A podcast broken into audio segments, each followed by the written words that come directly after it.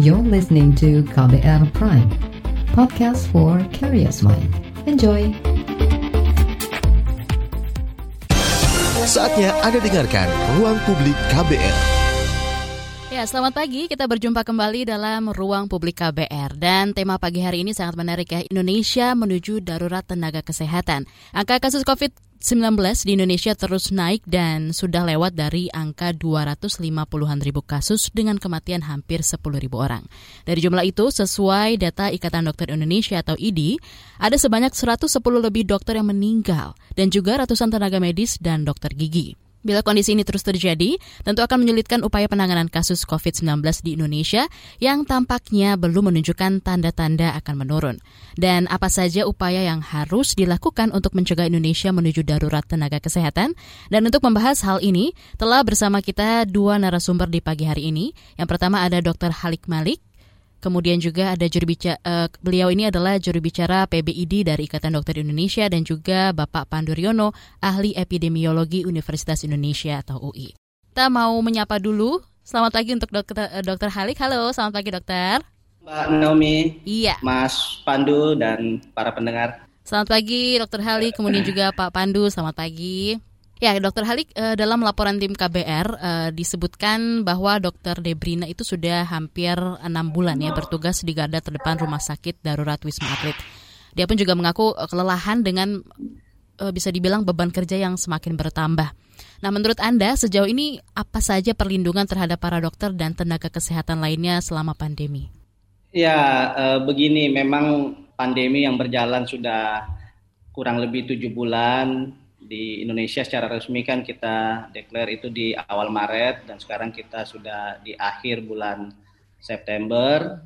Uh, tentu dengan uh, kasus yang masih tinggi, kemudian penularan yang masih terjadi atau pandemi yang belum begitu terkendali, uh, situasi di pelayanan kesehatan memang uh, saat ini bisa kita katakan uh, bebannya tinggi atau bahkan di beberapa wilayah masih tergolong uh, sangat tinggi. Nah, dari kampus UI saja melakukan survei terhadap uh, tenaga kesehatan uh, diperoleh informasi bahwa kurang lebih 82 persen dari tenaga kesehatan mengalami burnout atau uh, kelelahan bahkan satu persen di antaranya itu sampai tergolong kelelahan berat atau bahkan berpengaruh secara psikologis mereka sampai uh, depresi atau mengalami gangguan jiwa yang ringan sampai sedang. Nah itu sebetulnya gambaran sedikit gambaran dari situasi pelayanan kesehatan terutama dari sisi tenaga kesehatan. Uh, kemudian kalau kita cermati juga jumlah tenaga kesehatan yang menjadi korban uh, baik yang uh, harus diisolasi atau yang dirawat bahkan ada yang uh, meninggal tidak sedikit juga yang meninggal itu menjadi uh, apa tolak ukur bahwa uh, situasi di pelayanan kesehatan terutama di tenaga kesehatan ini tidak sedang eh, baik-baik uh, saja. Nanti barangkali Mas Pandu juga punya uh, pengamatan atau uh, perspektif yang uh, lebih tajam soal ini. Uh, Dokter Debrina tadi itu salah satu relawan yang di awal-awal uh, pandemi sudah bertugas beliau kita tempatkan di Wisma Atlet pada waktu itu kalau nggak salah dia di batch yang kedua. Sekarang sudah ada 27 batch atau gelombang eh, eh penempatan relawan. Rata-rata per batch itu 30 sampai 50 orang relawan. Hmm. Total sekarang datanya kita sudah 863 dokter yang dialokasikan eh, oleh Ikatan Dokter Indonesia melalui eh, gerakan dokter semesta menghadapi COVID-19. Itu yang di Wisma Atlet aja, 863 orang. Di database relawan kita sudah hampir 2.000 orang yang terdaftar dokter, yang sudah memenuhi kualifikasi itu 1.052 orang. Jadi eh, cukup banyak relawan, bukan yang existing ya, yang sudah bekerja sehari-harinya di fasilitas kesehatan. Ini hanya ini sudah tambahan yang tentu seribu orang tambahan itu berarti kebutuhan layanannya tinggi. Itu salah satu tolak ukur juga. Uh, dok, uh, jika dilihat sampai saat ini ada berapa jumlahnya dok yang sudah menjadi korban COVID? Ya, uh, untuk dokter yang kami peroleh informasinya saat ini sudah ada sekitar 123 dokter yang dikabarkan meninggal uh, dengan COVID maupun karena COVID. Uh, dari data yang dihimpun berdasarkan uh, koalisi organisasi profesi, kita ada juga 14 organisasi yang membentuk gerakan kompak menghadapi COVID-19. Itu jumlah korbannya juga tidak hanya di kalangan dokter, tapi hampir semua profesi uh, medis uh, dan juga tenaga kesehatan lainnya itu juga turut menjadi korban Eh, termasuk korban jiwa.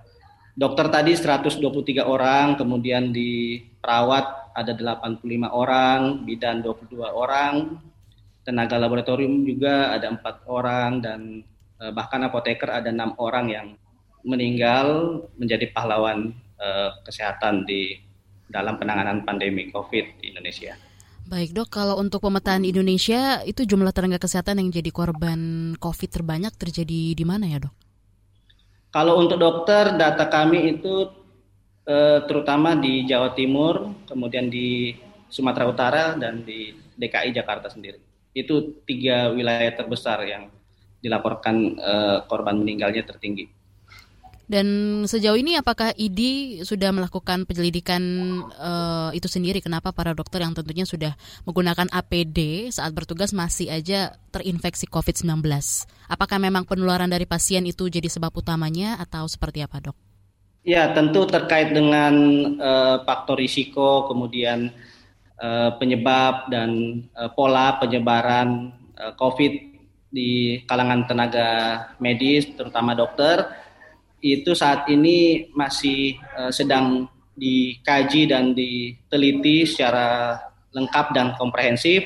Uh, namun sudah ada pola umum yang kita ketahui dan itu sudah kami sajikan di laporan tim uh, mitigasi uh, Ikatan Dokter Indonesia dan ini juga uh, kita koordinasikan dengan organisasi profesi kesehatan lainnya sehingga bisa uh, bersama-sama kita menerapkan langkah-langkah antisipatif pencegahan dan uh, mitigasi supaya uh, faktor risiko itu kemudian uh, penyebab-penyebab uh, dokter menjadi korban, tenaga kesehatan menjadi korban dan harus dirawat dan tidak sedikit yang menjadi korban meninggal itu tidak terjadi lagi di uh, kemudian hari atau di dalam uh, upaya kita menangani pandemi ke depan.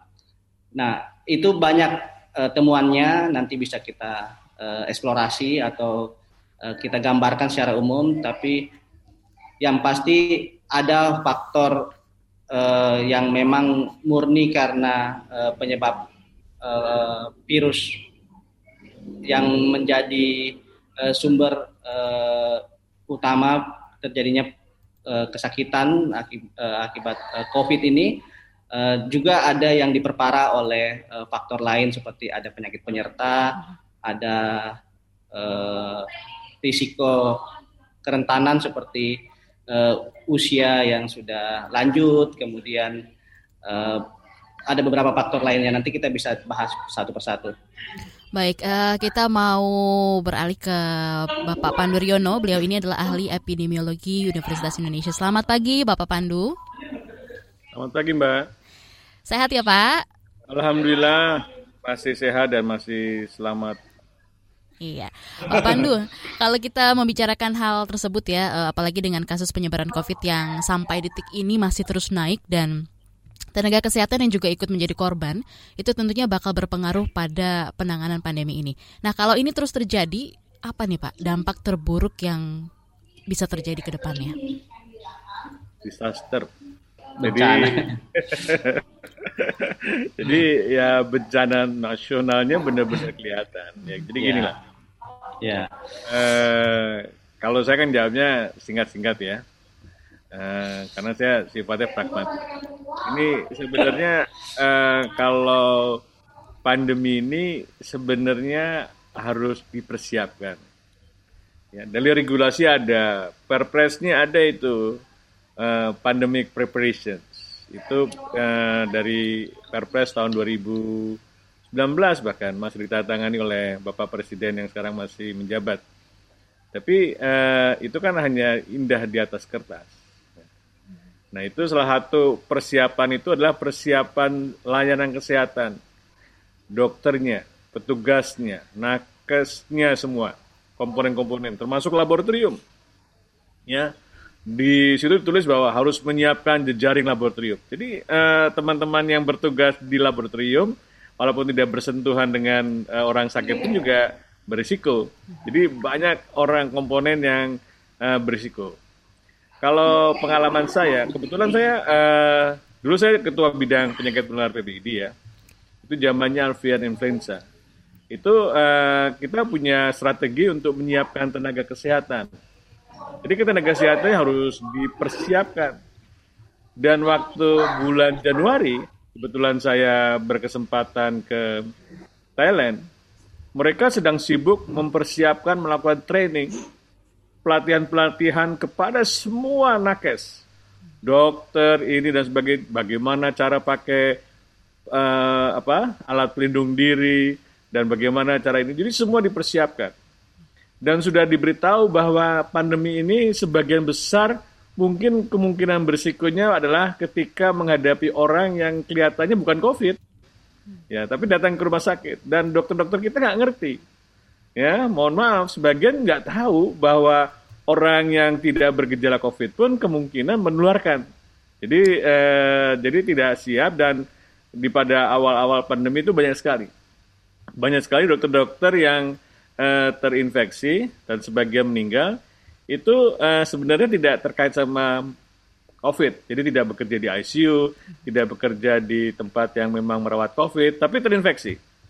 Nah itu kan uh, artinya ada masalah besar bahwa otoritas kesehatan kita tidak menyiapkan atau melindungi baik secara training maupun perlengkapan sarana dan prasarana untuk me, apa ya melindungi bangsa Indonesia sebenarnya, bangsa Indonesia untuk menghadapi pandemi, termasuk nakesnya, terutama nakesnya, karena mereka itu yang akan bersentuhan awal dengan uh, yang paling bersiko lah. Jadi orang yang paling bersiko adalah uh, nakes, ya kan pada awal pandemi dan sampai sekarang juga masih sangat berisiko. Jadi kalau melihat uh, perjalanan pandemi sebagai seorang epidemiologis, kita harusnya sudah memperkirakan itu. Nah itu yang yang sudah diperkirakan di dalam uh, pertemuan-pertemuan tingkat global global health security sebenarnya sudah ada persiapan. Cuman cuman ya kan pada awal pandemi ini kan otoritas kesehatan kita dan uh, beberapa pejabat tuh uh, tidak serius bahwa pandemi ini bisa berserius betul gitu. Walaupun hmm. sudah diingatkan. Nah, korban ini namanya berjatuhan terus. Ya, berjatuhan terus. Rumah sakit harus dibenahi Bahkan waktu di rumah sakit uh, kabupaten di di kecil di Thailand itu uh, uh, tempat-tempat untuk uh, ventilasinya diperbaiki. Jadi uh, apa uh, tekanan negatifnya itu benar-benar dipersiapkan, ya kan ruang isolasinya. Nah, walaupun hanya untuk meriksa pasien, ya jadi pasien yang baru datang gitu kan, truk itu masuk ruangan yang sudah ada tekanan negatif, jadi dokternya juga uh, uh, sudah tahu, walaupun tempatnya kecil ya, klinik kecil, itu sudah ada tekanan negatifnya. Jadi begitu uh, perlindungan yang sudah diciptakan oleh sistem. Jadi juga mungkin ventilasi bangunan rumah sakit kita itu juga tidak memenuhi syarat, ya, ya. sehingga banyak uh, dokter yang bertugas di ruangan ya yang relatifnya ini juga uh, juga mungkin juga terekspos. Jadi uh, jangan sangka uh, menggunakan masker, ya. menggunakan APD sudah itu, aman ya. Uh, uh, enggak, semua dokter tahu bagaimana ya. cara makainya. Okay. Enggak tahu hmm. bagaimana melepaskannya. Itu ada prosedur-prosedur, hmm. standar operating prosedur yang ya. harus dilatihkan. Yes. Nah, itu yang yang menurut saya uh, menjadi kenapa banyak petugas nakes, hmm. ya kan, baik yang bekerja di puskesmas, baik yang bekerja di rumah sakit, klinik, eh, apa di swasta, pemerintah, hmm. itu risikonya tinggi. Ya. ya kan, jadi kalau saya melihat penyebarannya itu hampir di semua jenis layanan tingkat primer, sekunder, dan itu uh, merata bahwa ada korban di antara nakes. Nah ini dampaknya kalau kita tidak segera melakukan audit. Nah waktu itu saya uh, ngomong sama uh, Prof. Akmal waktu itu, waktu beliau sempat diangkat, uh, mesti diaudit nih. Setiap kematian harus diaudit. Kenapa? Kita harus uh, mempelajari kenapa sampai demikian tinggi sekali dan kita harus mencegahnya di masa mendatang. Dokter-dokter itu nggak butuh bintang, nggak butuh uh, dimakamkan di makam pahlawan. Yang perlu itu dilindungi, nggak butuh duit, nggak butuh insentif. Mereka tuh bekerja dalam suasana pandemi itu dengan keikhlasan yang luar biasa. Kadang-kadang overtime, lembur, nggak ingat waktu dan sebagainya. Ini yang harus disadari bahwa bahwa kita mempunyai tanggung jawab moral yang luar biasa. Kalau sampai begitu banyak nakes kita meninggal. Ini semakin menarik ya eh, Bapak Panu dan juga nah. Dr. Halik. Nanti kita ya. akan ya. bahas lagi lebih lanjut, tapi sebelumnya kita akan break dulu setelah yang satu ini. Masih Anda dengarkan Ruang Publik KBR. Ya, Anda masih menyimak ruang publik dengan tema Indonesia menuju darurat tenaga kesehatan. Bersama Dr. Halik Malik, Humas PBID Ikatan Dokter Indonesia dan juga Bapak Panduryono, ahli epidemiologi Universitas Indonesia. Ya, kita balik lagi nih eh, Dr. Halik dan juga Pak Pandu. Dr. Ya. Halik tadi sempat disebutkan oleh Pak Pandu bahwa uh, beliau bilang tenaga kesehatan itu di awal-awal bahkan tidak mengetahui secara tepat penggunaan APD itu seperti apa. Nah, apakah ini masih menjadi masalah sampai detik ini atau seperti apa, Dok? Ya, eh, terima kasih Mas Pandu Riono ini memang paket lengkap sebetulnya. Beliau epidemiolog di Ikatan Dokter Indonesia juga pernah menjadi ketua kolegium dokter Indonesia. Jadi terkait dengan kompetensi, kewenangan dan bagaimana kapasitas dokter Indonesia, beliau uh, sangat paham dan juga sempat lama mungkin puluhan tahun ya Mas Pandu ya berkecimpung di bidang penyakit menular. Saya kebetulan juga uh, anggota beliau di bidang malaria, beliau di eh, HIV dan eh, TB dan uh, yang kita hadapi juga sekarang COVID-19 juga sebetulnya masih bagian dari penyakit menular, cuma uh, memang penyakit baru sehingga banyak hal kita tidak siap. Nah, kalau kembali ke strategi penanganan pandemi kan tadi disebutkan sistem kesehatan kita seperti uh, kemampuan fasilitas kesehatan, kemudian uh, kemampuan testing dan uh, tentu bagaimana uh, pencegahan di masyarakat dan seterusnya. Itu semua berpengaruh terhadap uh, kesiapan uh, daripada dokter itu sendiri. Tentu dari ID dan organisasi profesi lain juga membenahi standar dan protokol perlindungan terhadap uh, dokter, kemudian yang membentuk tim audit dan advokasi terhadap, korban bahkan yang meninggal dan uh, itu bagaimana uh, supaya risiko kerentanan dan uh, pencegahan untuk mitigasinya itu bisa dilakukan. Uh, kita ketahui pasien uh, yang terus bertambah tidak terkendali itu juga bisa menyebabkan uh, sistem kesehatan menjadi overload dan uh, kelelahan petugas-petugasnya karena pasien yang banyak itu rumah sakit penuh, eh, angka terpaparnya para tenaga medis dan eh, mereka yang bertugas di fasilitas kesehatan eh, makin tinggi sehingga eh, ini menjadi eh, concern khusus dari Ikatan Dokter Indonesia. Oleh karena itu dalam gerakan dokter semesta melawan COVID-19 ini sejak bulan Maret sudah ada himbauan dari ID agar kewenangan dan kompetensi penanganan COVID itu diberikan kepada seluruh dokter yang ada di Indonesia, baik dokter umum maupun dokter spesialis. Karena kita ketahui jumlah dokter paru itu kan kalau dokter paru menjadi salah satu dokter uh, yang uh, menjadi penanggung jawab atau uh, dokter yang paling banyak berperan saat ini itu jumlahnya tidak sampai 2000 orang dan saat ini juga korban dari dokter paru yang meninggal itu sudah ada dua tiga orang yang dilaporkan meninggal itu kalau kita kehilangan satu dokter paru itu artinya kita bisa kehilangan sampai 1.300 eh, 13 bahkan 13 135 ribu eh, layanan dokter paru bagi penduduk uh, Republik Indonesia ini karena kesenjangan yang ada kan masih tinggi. Jumlah dokter masih kurang, baru empat dokter per seribu penduduk, bahkan kita bandingkan dengan negara-negara lain itu sangat uh, jauh sekali. Nah, oleh karena itu perlindungan kepada para dokter ini yang utama. Keahlian untuk menggunakan uh, APD uh, baik memakainya dan melepasnya itu keterampilan uh, standarnya itu kita latihkan kembali uh, berdasarkan pedoman uh, standar dan protokol yang sudah dibuat. Itu dilakukan oleh organisasi profesi dan saat ini juga kita minta pemerintah lebih masif lagi melakukan pelatihan-pelatihan kepada para dokter yang sudah bekerja, juga kepada para dokter yang akan ditugaskan kemudian. Baik, Dokter Hali, kita tahan dulu sebentar. Ini sudah tersambung dengan Pak Andi di Tegal, Jawa Tengah, di line telepon kami. Halo, Pak Andi, selamat pagi. Silakan dengan pertanyaannya. Selamat pagi. Saya mau bertanya begini. Bukannya dokter itu kan sudah terlatih dari awal kan?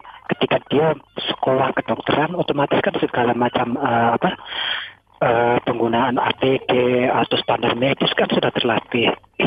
Dan itu pertanyaan saya yang pertama, kenapa kok masih banyak korban dari para dokter? Kemudian pertanyaan saya yang kedua, bukankah di rumah sakit APD protokol kesehatan itu sudah sangat ketat? Kenapa kok bisa menjadi klaster penularan COVID sampai menimbulkan korban-korban para tenaga medis dan para dokter?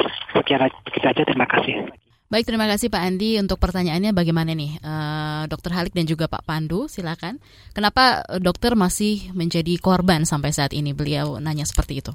Mungkin saya dulu ya, nanti Mas Pandu membenarkan kalau uh, kejadian dokter terpapar, kemudian bahkan meninggal karena eh, COVID-19. Mhm. Ini pertama tentu kita ketahui bahwa Eh, dokter-dokter di Indonesia itu belum banyak ya. Jadi beban pelayanannya bahkan sebelum pandemi eh, kita hadapi sudah eh, tinggi sebetulnya dari jam kerja kemudian tempat kerja dan eh, bisa dikatakan eh, dokter-dokter ini kebanyakan memang sudah bekerja overtime gitu. Eh, yang kedua dokter-dokter ini eh, tentu adalah uh, orang yang punya posisi strategis dan esensial dalam penanganan pandemi.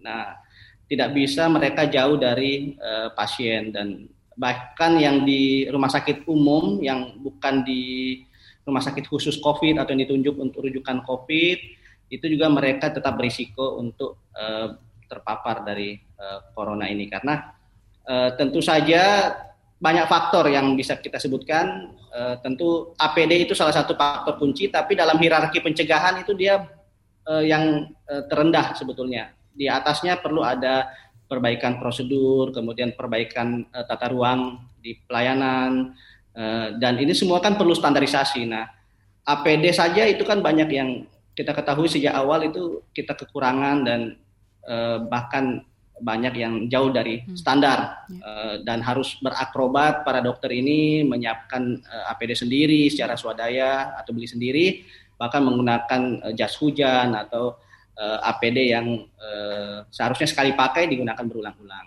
Nah, hmm. uh, dari prosedur sendiri kan banyak fasilitas kesehatan itu belum disiapkan untuk penanganan infeksi. Kita di Indonesia ini yang rumah sakit khusus infeksi itu tidak banyak.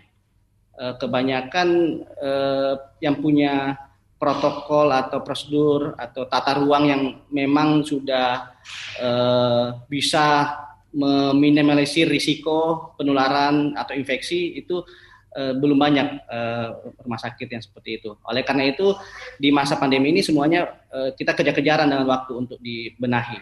Uh, dan yang terpenting uh, para dokter yang sudah uh, dianggap kompeten karena sudah terregistrasi kemudian memiliki sertifikat kompetensi yang terus diperbaharui secara berkala. Uh, ini tentu juga butuh uh, update informasi atau keilmuan karena penanganan uh, pandemi atau tata laksana kasus itu juga terus berkembang dari WHO dari pemerintah dari profesi juga terus mengembangkan sesuai dengan perkembangan uh, keilmuan dan uh, penelitian yang ada.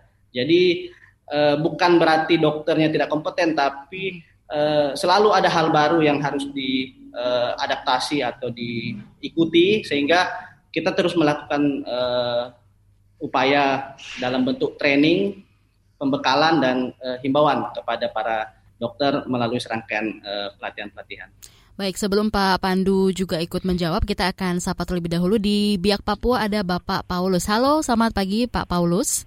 Ya, halo, selamat pagi. Saya Pak Paulus di Biak Papua mengucapkan selamat bertugas buat para narasumber dan juga para uh, wartawan DRRI. Selamat bertugas, selamat pagi. Ya, terima kasih. Silakan uh, dengan pertanyaannya.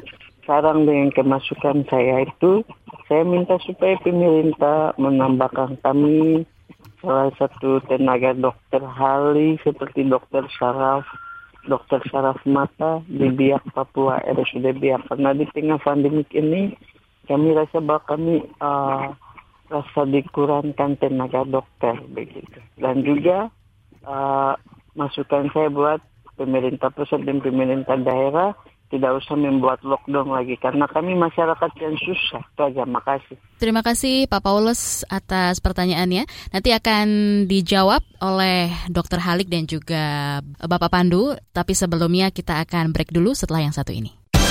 Masih Anda dengarkan Ruang Publik KBR. Ya, Anda masih menyimak ruang publik dengan tema Apakah Indonesia menuju darurat tenaga kesehatan? Bersama dengan Dr. Malik, Humas PBID Ikatan Dokter Indonesia dan Bapak Pandu Riono, Ahli Epidemiologi Universitas Indonesia. Pak Pandu, ini banyak sekali uh, pendengar yang ingin ikut berpartisipasi untuk menanyakan banyak hal. Salah satunya dari Pak Paulus tadi di Biak dan kita beralih ke Waingapu. Ada Bapak Helon di line telepon kami. Halo, selamat pagi Pak Helon. Selamat pagi Ibu penyiar. Ya, selamat pagi. Silakan dengan pertanyaannya. Ya, salam sehat untuk Ibu penyiar dan Bapak narasumber. Terima kasih. Ya, selalu diberkati dalam segala tugas dan kerjanya. Okay. Amin. Uh, Selamat untuk semuanya.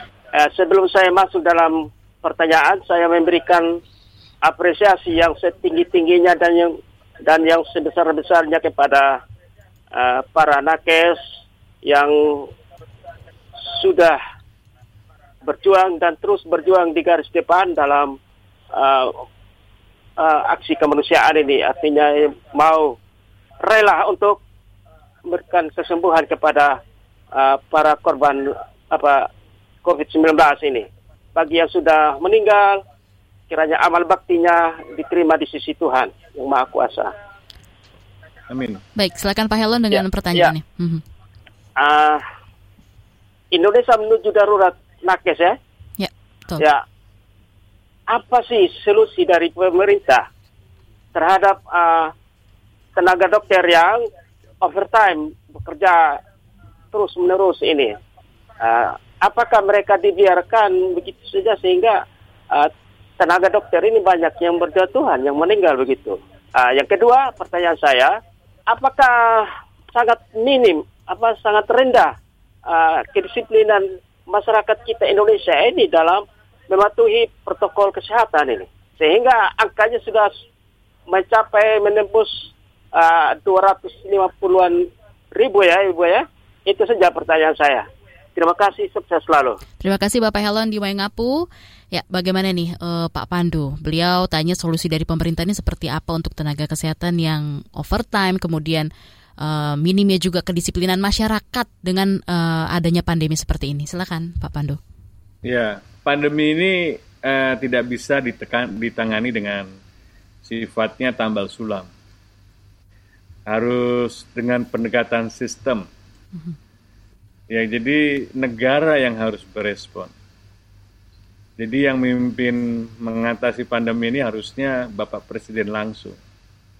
Tidak perlu membentuk satgas, tidak perlu membentuk gugus tugas, tidak perlu menunjuk seorang menteri yang sangat dipercaya oleh beliau untuk memperbaiki di provinsi. Tapi kita menggunakan sistem pemerintahan, ya kan? Kementerian Kesehatan itu punya sistem, Kementerian Keuangan punya sistem, negara ini punya sistem. Jadi pendekatannya sistem, karena ini kan masalah pandemi ini panjang, Ya mungkin sampai lima tahun kita masih menghadapinya, termasuk untuk mengakhirinya.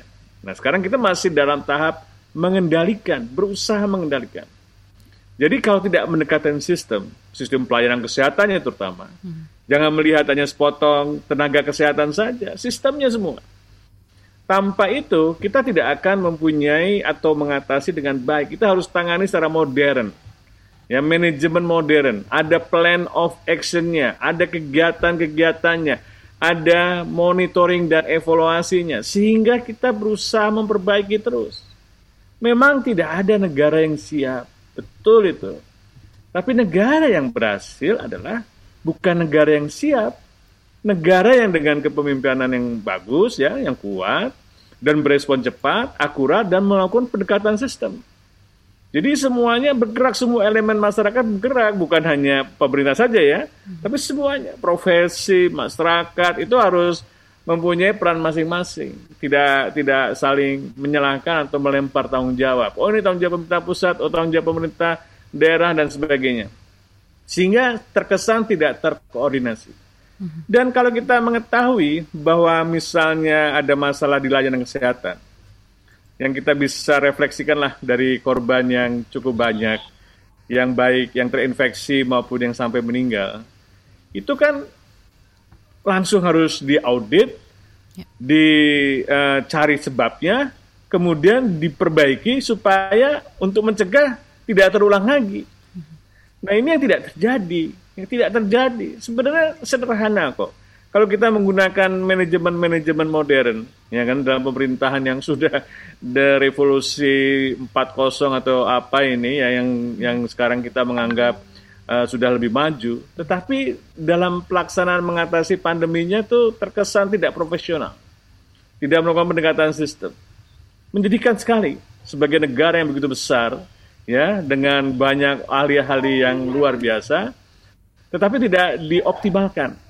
Ya, ini menurut saya uh, sudah enam bulan lebih, tujuh bulan, dan kita menghadapi masalah besar karena sampai sekarang kita belum berhasil mengendalikan. Masih penyelesaiannya tambah sulit. Termasuk masalah nakes. Nah, nakes ini kita harus mikir lagi jauh lebih besar. Bagaimana menyiapkan uh, pendidikan dokternya nanti. Ini kan nakes bukan disposable. Yang mudah tergantikan. Oh, nanti kita udah siap kok 3.500 dokter yang sedang melakukan uh, magang sudah siap menggantikan kalau itu diucapkan oleh otoritas kesehatan, beliau nggak ngerti. Nggak ngerti sama sekali bahwa dokter itu tidak mudah tergantikan keahliannya. Harus melewati fase-fase pendidikan, pengalaman, kompetensi. Ya kan? Ada solusinya, ada. Misalnya kalau kekurangan dokter paru yang di mana sudah mengalami kelelahan, burnout, ya kan? Dokter-dokter keahlian lain atau dokter umum kita delegasikan, kita tingkatkan kompetensinya dalam kedaruratan mungkin. Tapi kan harus ada sistem yang melaksanakannya. Dan harus siapa yang siap, siapa yang mau dan sebagainya dan juga diatur jam uh, jam layanannya. Mereka juga manusia, mereka juga capek, mereka juga merasakan uh, kelelahan yang luar biasa. Mereka bukan malaikat yang atau bukan robot yang bisa bekerja dengan maksimal. Nah ini menurut saya uh, memang tantangannya besar sekali.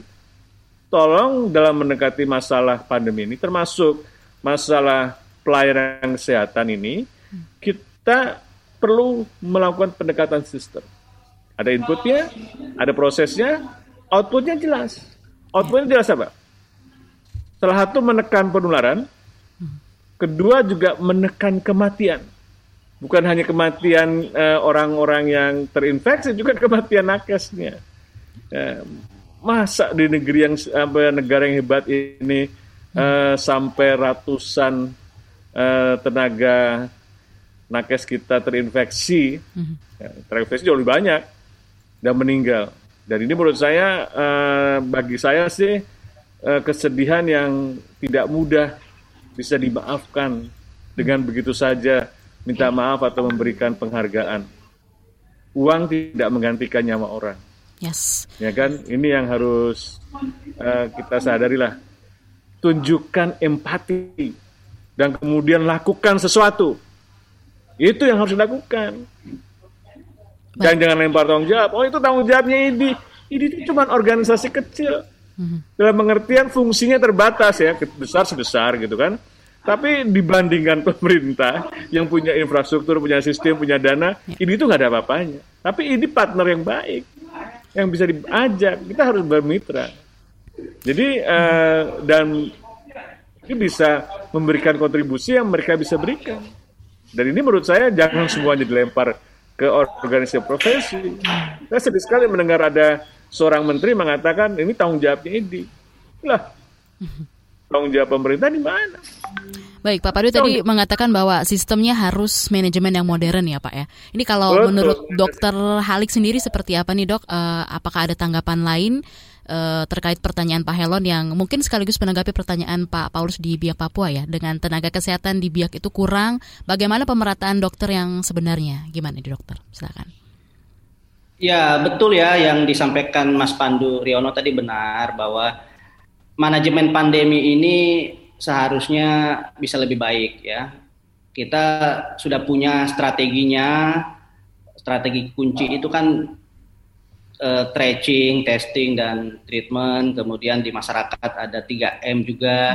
Kami di fasilitas kesehatan bagaimana uh, semuanya dibenahi pelayanan, kemudian para dokter, perawat dan lainnya itu bagaimana agar tetap uh, melayani, terus melayani sampai pandemi ini betul-betul kita akhiri dan ke depan juga kita harus bekali para dokter dan tenaga kesehatan ini bagaimana menghadapi pandemi-pandemi uh, lainnya uh, tidak hanya COVID-19 ini karena itu memang sudah menjadi ancaman uh, global bahwa tiap negara harus punya ketahanan dalam menghadapi penyakit-penyakit uh, baru dan salah satunya adalah ketahanan dalam menghadapi pandemi atau penyakit menular yang Eh, kita ketahui di Indonesia ini menyebar sangat cepat dan luas sampai Papua. Saya tahu persis saya ikut membantu eradikasi polio tahun 2019 sampai 2020 kemarin di Papua dan alhamdulillah kita sudah bisa bebas polio di sana.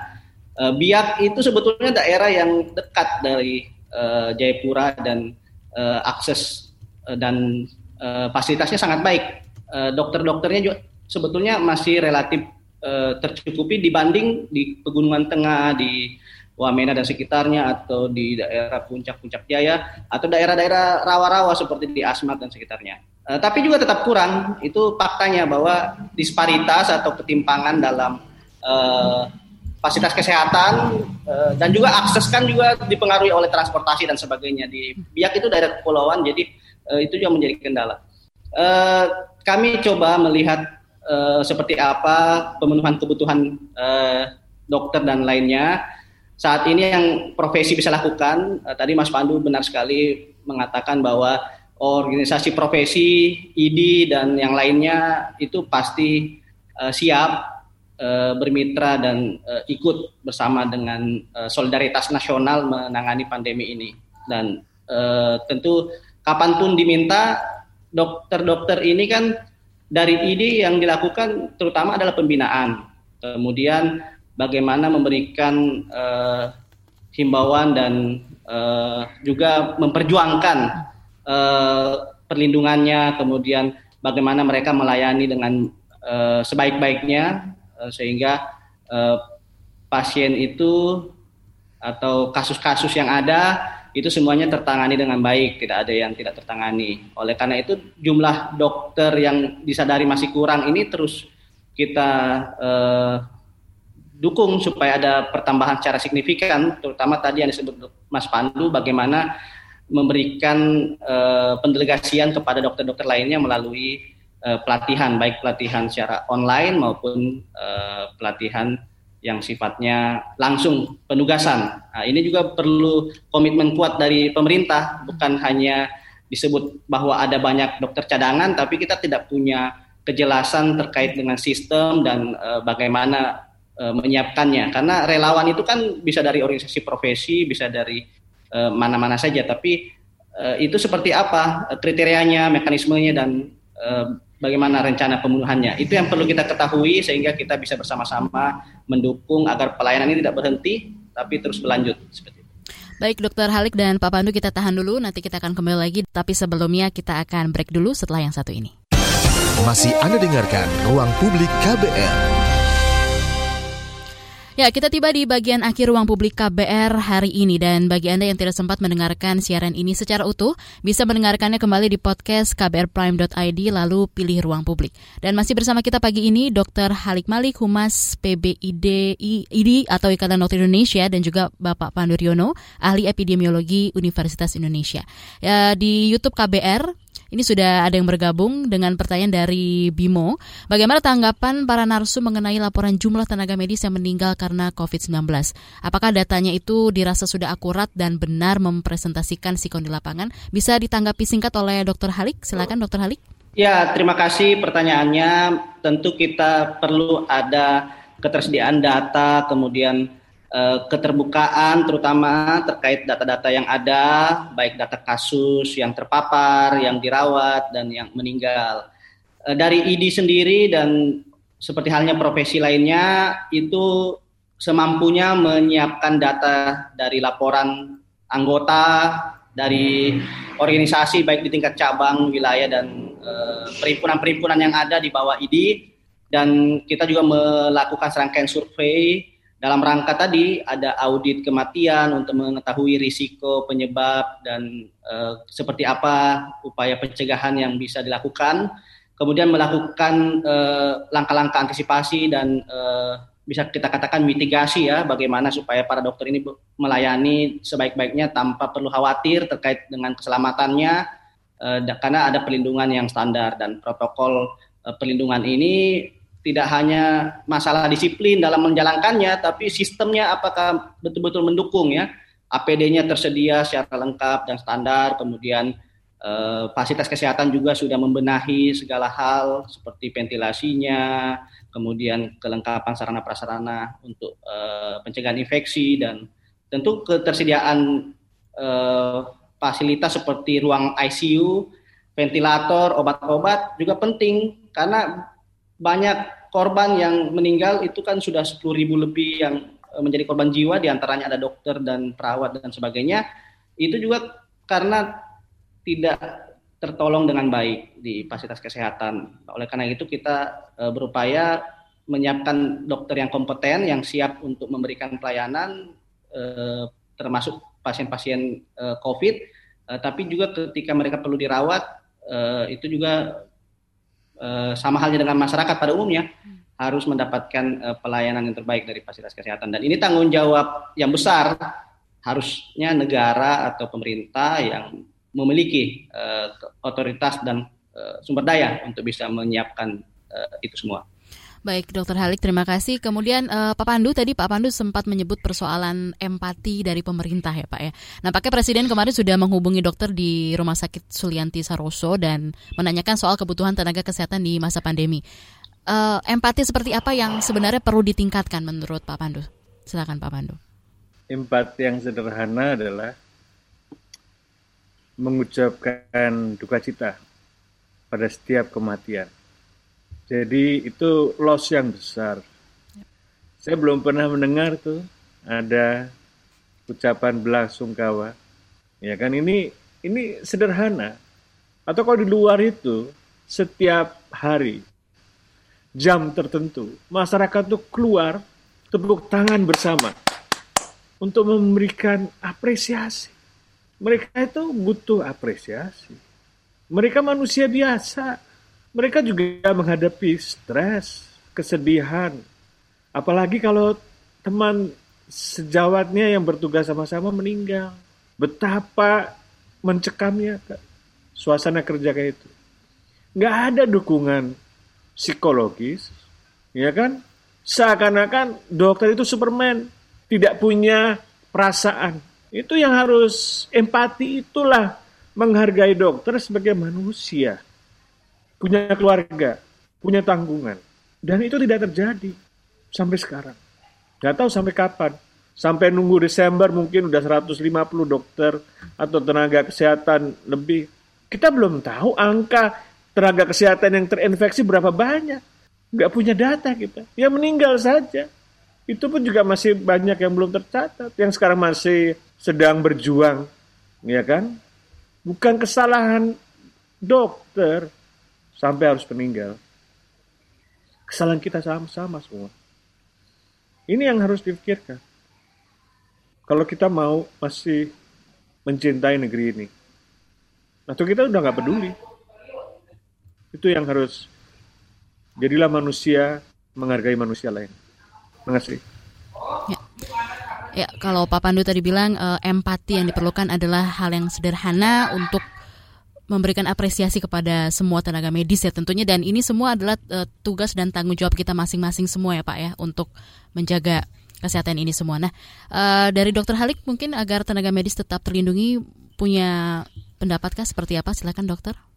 Iya, uh, betul sekali. Tentu kita sangat mengapresiasi kepada para dokter tenaga kesehatan yang sudah berjuang bahkan tidak sedikit yang menjadi korban harus dirawat dan sebagian juga meninggal. Saya pribadi uh, dan dari organisasi juga mewakili uh, rasa bela sungkawa yang luar biasa mendalam kepada mereka yang uh, sudah mendedikasikan hidupnya karena bagaimanapun uh, para dokter dan tenaga kesehatan ini tidak bisa menghindar atau menjauhi para Eh, pasien-pasien uh, atau masyarakat yang membutuhkan pertolongan ya jika tidak bisa tetap muka kan mereka juga tetap memberikan pelayanan lewat uh, teknologi misalnya telemedicine atau pelayanan-pelayanan lainnya.